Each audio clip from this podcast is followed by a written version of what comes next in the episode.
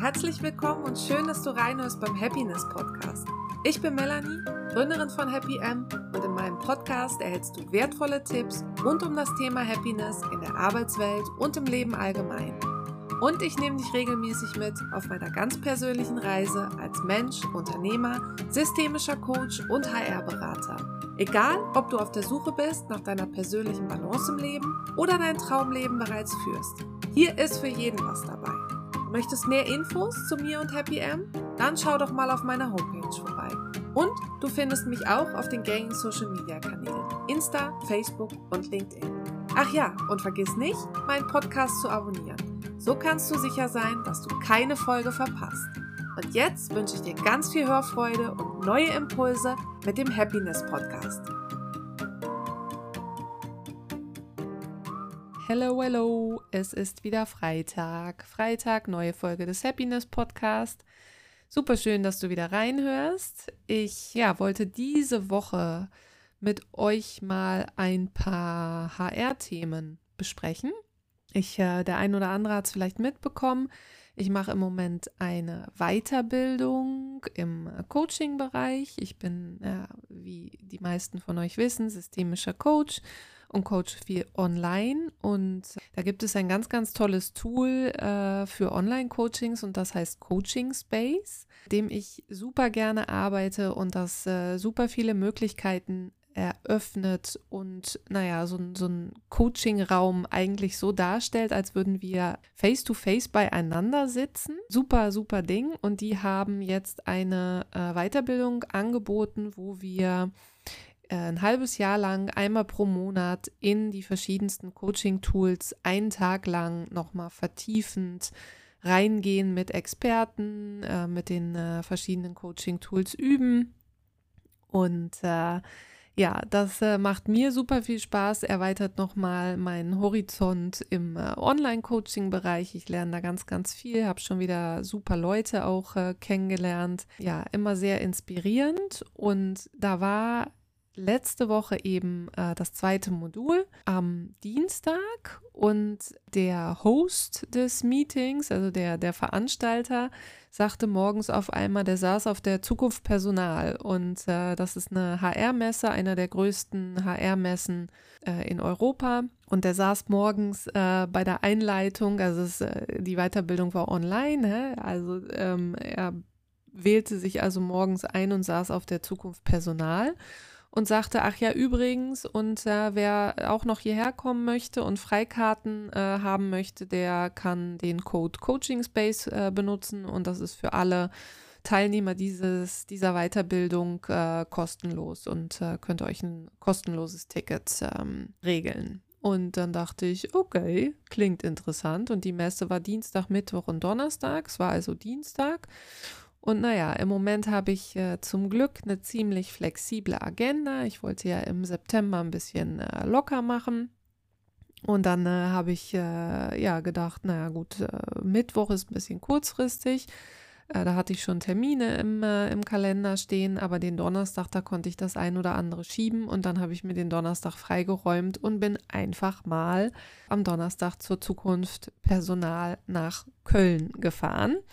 Ähm, also nochmal an dieser Stelle herzlichen Dank an Coaching Space und die, äh, die Freikarte, das äh, Gratis-Ticket.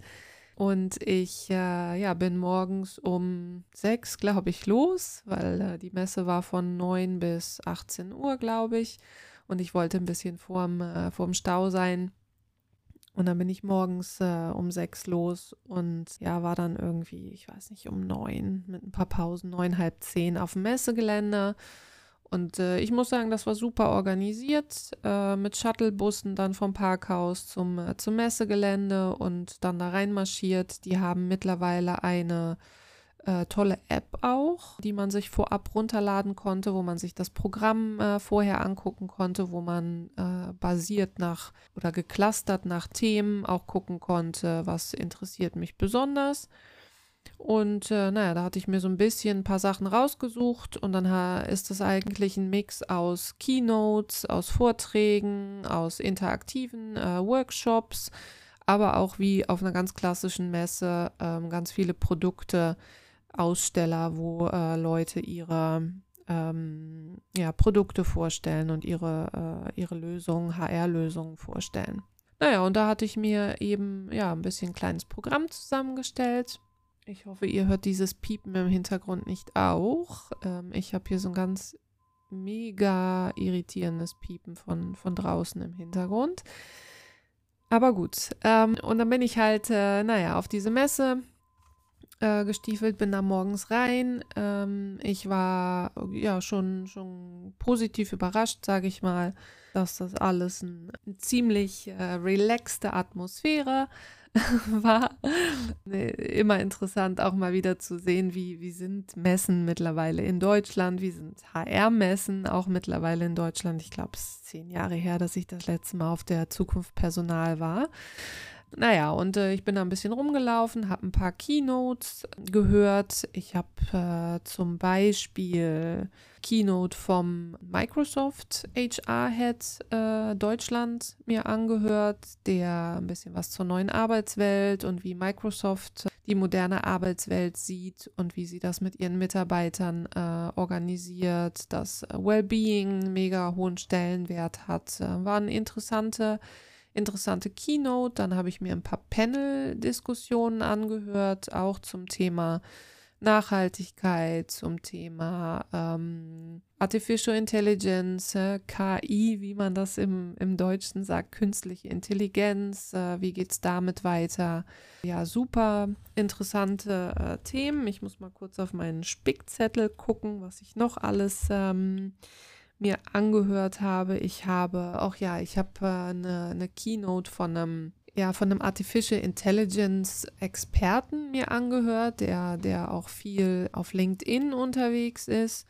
Also super, super interessante Vorträge ge gehört, super interessante ähm, HR-Lösungen gesehen, sage ich mal. Also von System, HR-System, äh, kompletten HR-System bis hin zu Recruitment-Lösungen, Personal Development-Lösungen, Talent Acquisition Lösungen, wirklich die komplette HR-Bandbreite.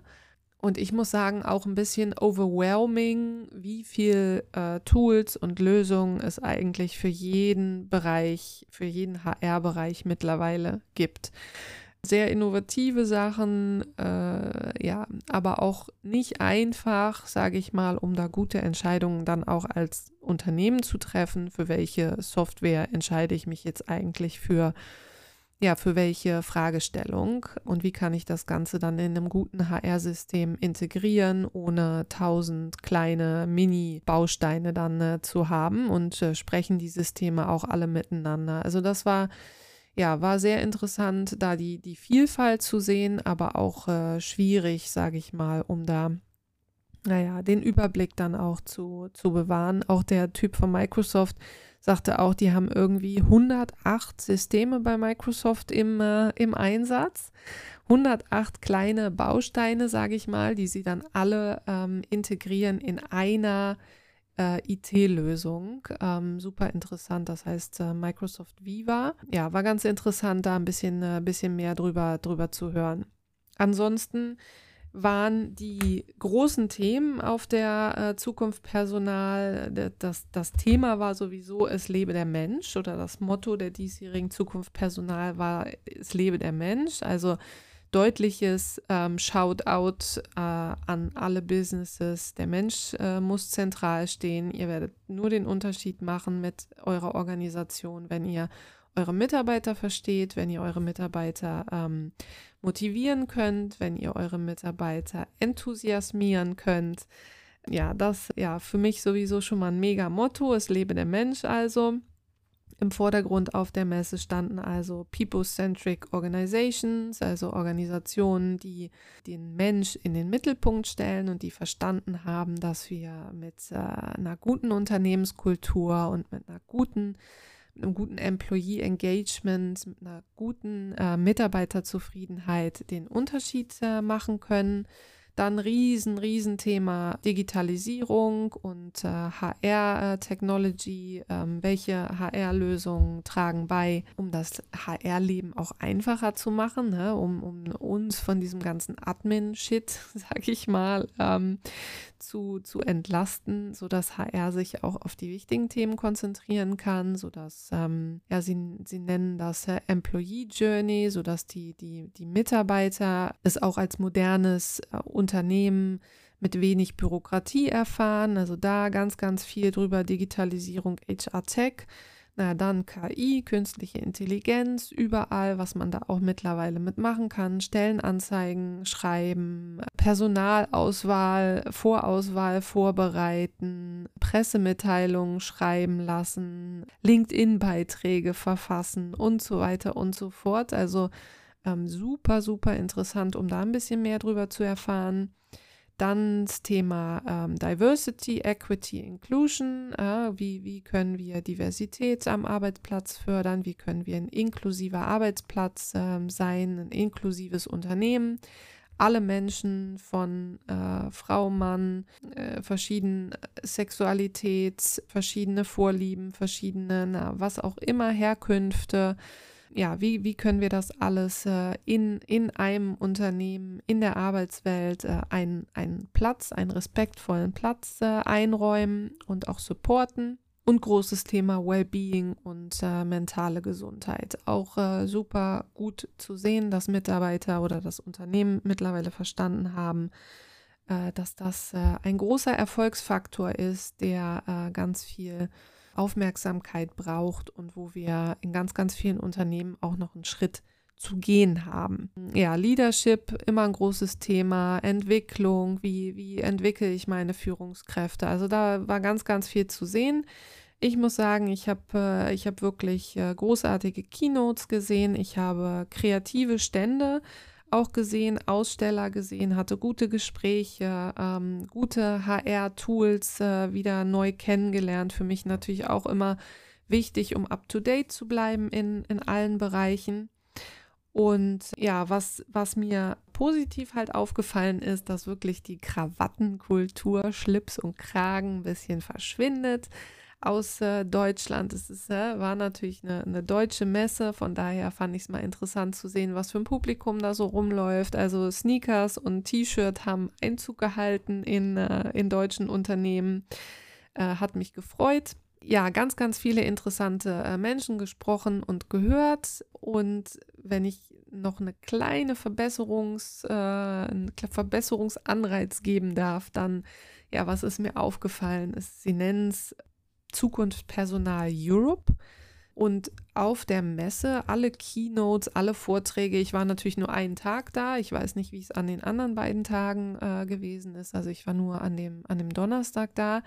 Aber was mir aufgefallen ist, dass es ausschließlich Deutsch ist, äh, die, die Vorträge. Ich habe ganz, ganz wenig Englisch gehört. Bei den Unternehmen ab und zu schon. Ich muss mal kurz einen Schluck trinken. So.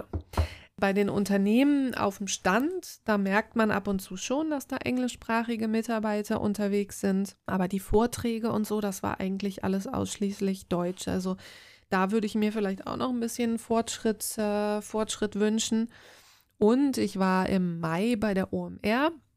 Das ist natürlich die Messe für die Digital-Welt und ein bisschen ja Vorreiter, sage ich mal, was die modernen Messe-Events angeht.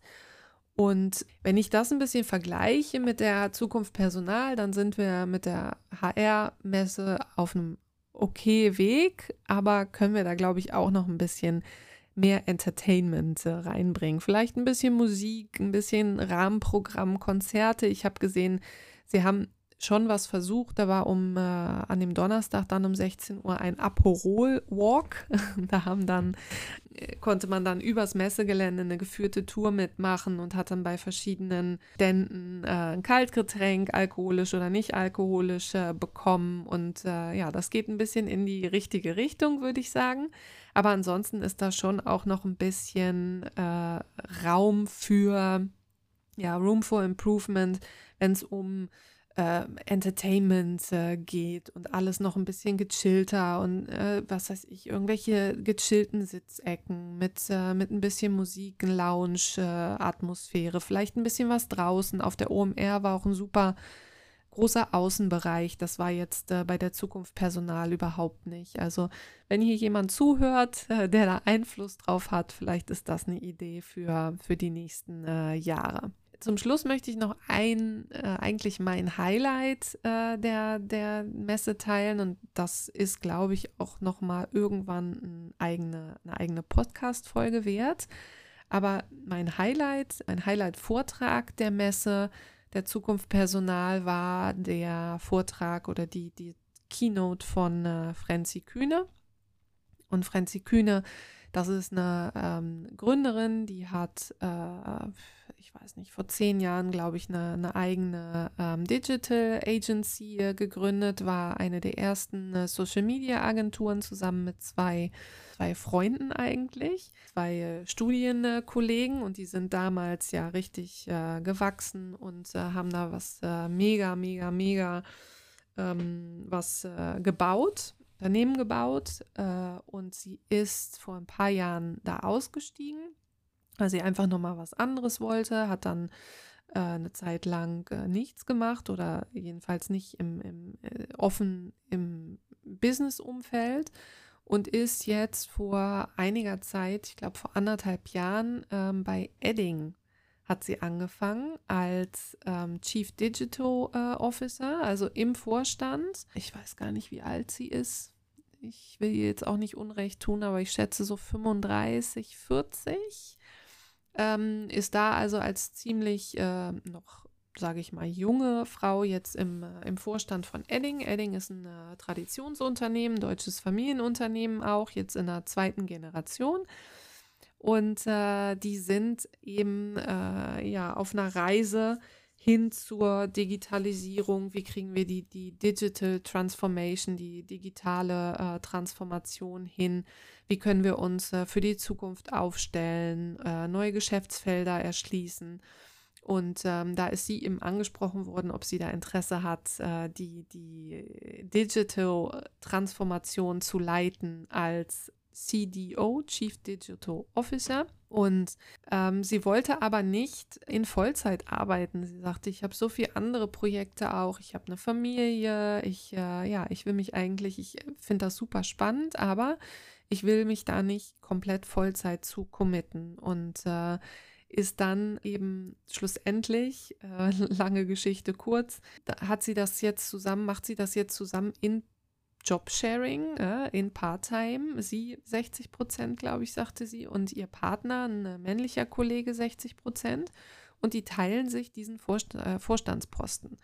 Und sie hat eben ein bisschen erzählt, wie das äh, in dem Unternehmen äh, akzeptiert wird, wie die sich die Rolle einrichten, wie die sich die Rolle aufteilen, was die Herausforderungen sind, was die Vorteile sind.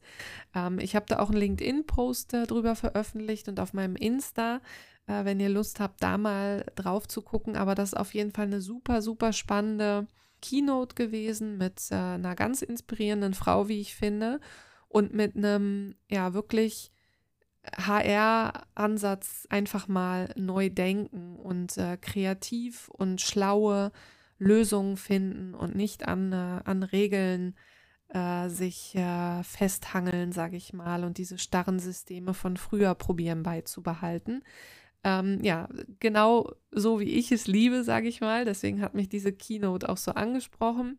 Ja, ich, äh, ich fand es äh, fand's ein mega Auftritt. Äh, sie hat, glaube ich, auch einen eigenen Podcast und sie ist auf Insta sehr aktiv. Also wer ihr äh, folgen möchte, ähm, ich glaube, eine ne, ja, super Inspiration auch, äh, auch für, ja, für jeden, der ein bisschen Interesse hat an dieser ganzen Digital-Welt. Ähm, Gründerszene, moderne Arbeitswelt, äh, Dinge einfach mal neu denken ja, da, da kann man sich bei Frenzy Kühne, äh, glaube ich, ganz, ganz viel Inspiration holen. Ja, das äh, ist eigentlich so ein bisschen meine Summary der Zukunft Personal, auf der ich also, wie gesagt, ganz spontan letzte Woche war. Äh, ich finde es immer super, solche Tage zwischendurch. Ich finde es ähm, mega, dass ich die, die Freiheit habe, einfach an einem Dienstag zu entscheiden. Äh, ich fahre Donnerstag mal zur äh, Zukunft Personal nach Köln, äh, räume mir meinen Kalender frei und teile mir meinen Arbeitstag so ein, wie ich das will. Ich bin äh, ja immer super inspiriert nach solchen Tagen. Auch ein langer Tag. Ich war dann irgendwie abends um 20 Uhr wieder zu Hause. Aber hat sich auf jeden Fall gelohnt und äh, ja, schön zu sehen, dass die HR-Welt auch in Deutschland äh, mittlerweile immer moderner wird. Und ähm, ja, ich äh, freue mich auf weitere Entwicklungen im HR-Bereich in den nächsten Jahren in diese Richtung. Ja, ich hoffe, ihr habt eine gute Zeit gehabt hier mit dem Zuhören heute. Ich ähm, freue mich euer, über euer Feedback, wie immer. Ja, und äh, ich würde sagen, ja, habt äh, eine, äh, ein schönes Wochenende. Es ist äh, heute Freitag, der 22. September. Äh, vielleicht noch äh, als Abschluss interessant zu benennen. Ich bin heute frei, also die, die Folge habe ich, äh, hab ich schon am, am, Dienstag aufgenommen, wenn ihr das jetzt äh, hört. Und wir sind jetzt diese Woche in den Hochzeitsvorbereitungen im Endspurt, weil wir nämlich dann morgen äh, ja unseren großen Tag haben, 23. September 23. Also drückt uns alle die Daumen für schönes Wetter und äh, für, eine, für einen tollen Tag und eine gute Party. Und äh, wir hören uns dann äh, nächste Woche wieder beim Happiness Podcast. Habt ein schönes Wochenende. Ciao. Das war wieder eine Folge des Happiness Podcast. Hast du Fragen oder Feedback für mich oder Ideen zu Themen, die du gerne im Podcast hören würdest? Dann schreib mir eine Mail an melanie at happym.eu oder schick mir eine Nachricht auf Insta oder LinkedIn. Hat dir die Folge gefallen? Dann hinterlass mir super gern ein Review, indem du oben auf die 5 Sterne klickst. Nochmals, danke, dass du wieder dabei warst und bis zum nächsten Mal beim Happiness Podcast.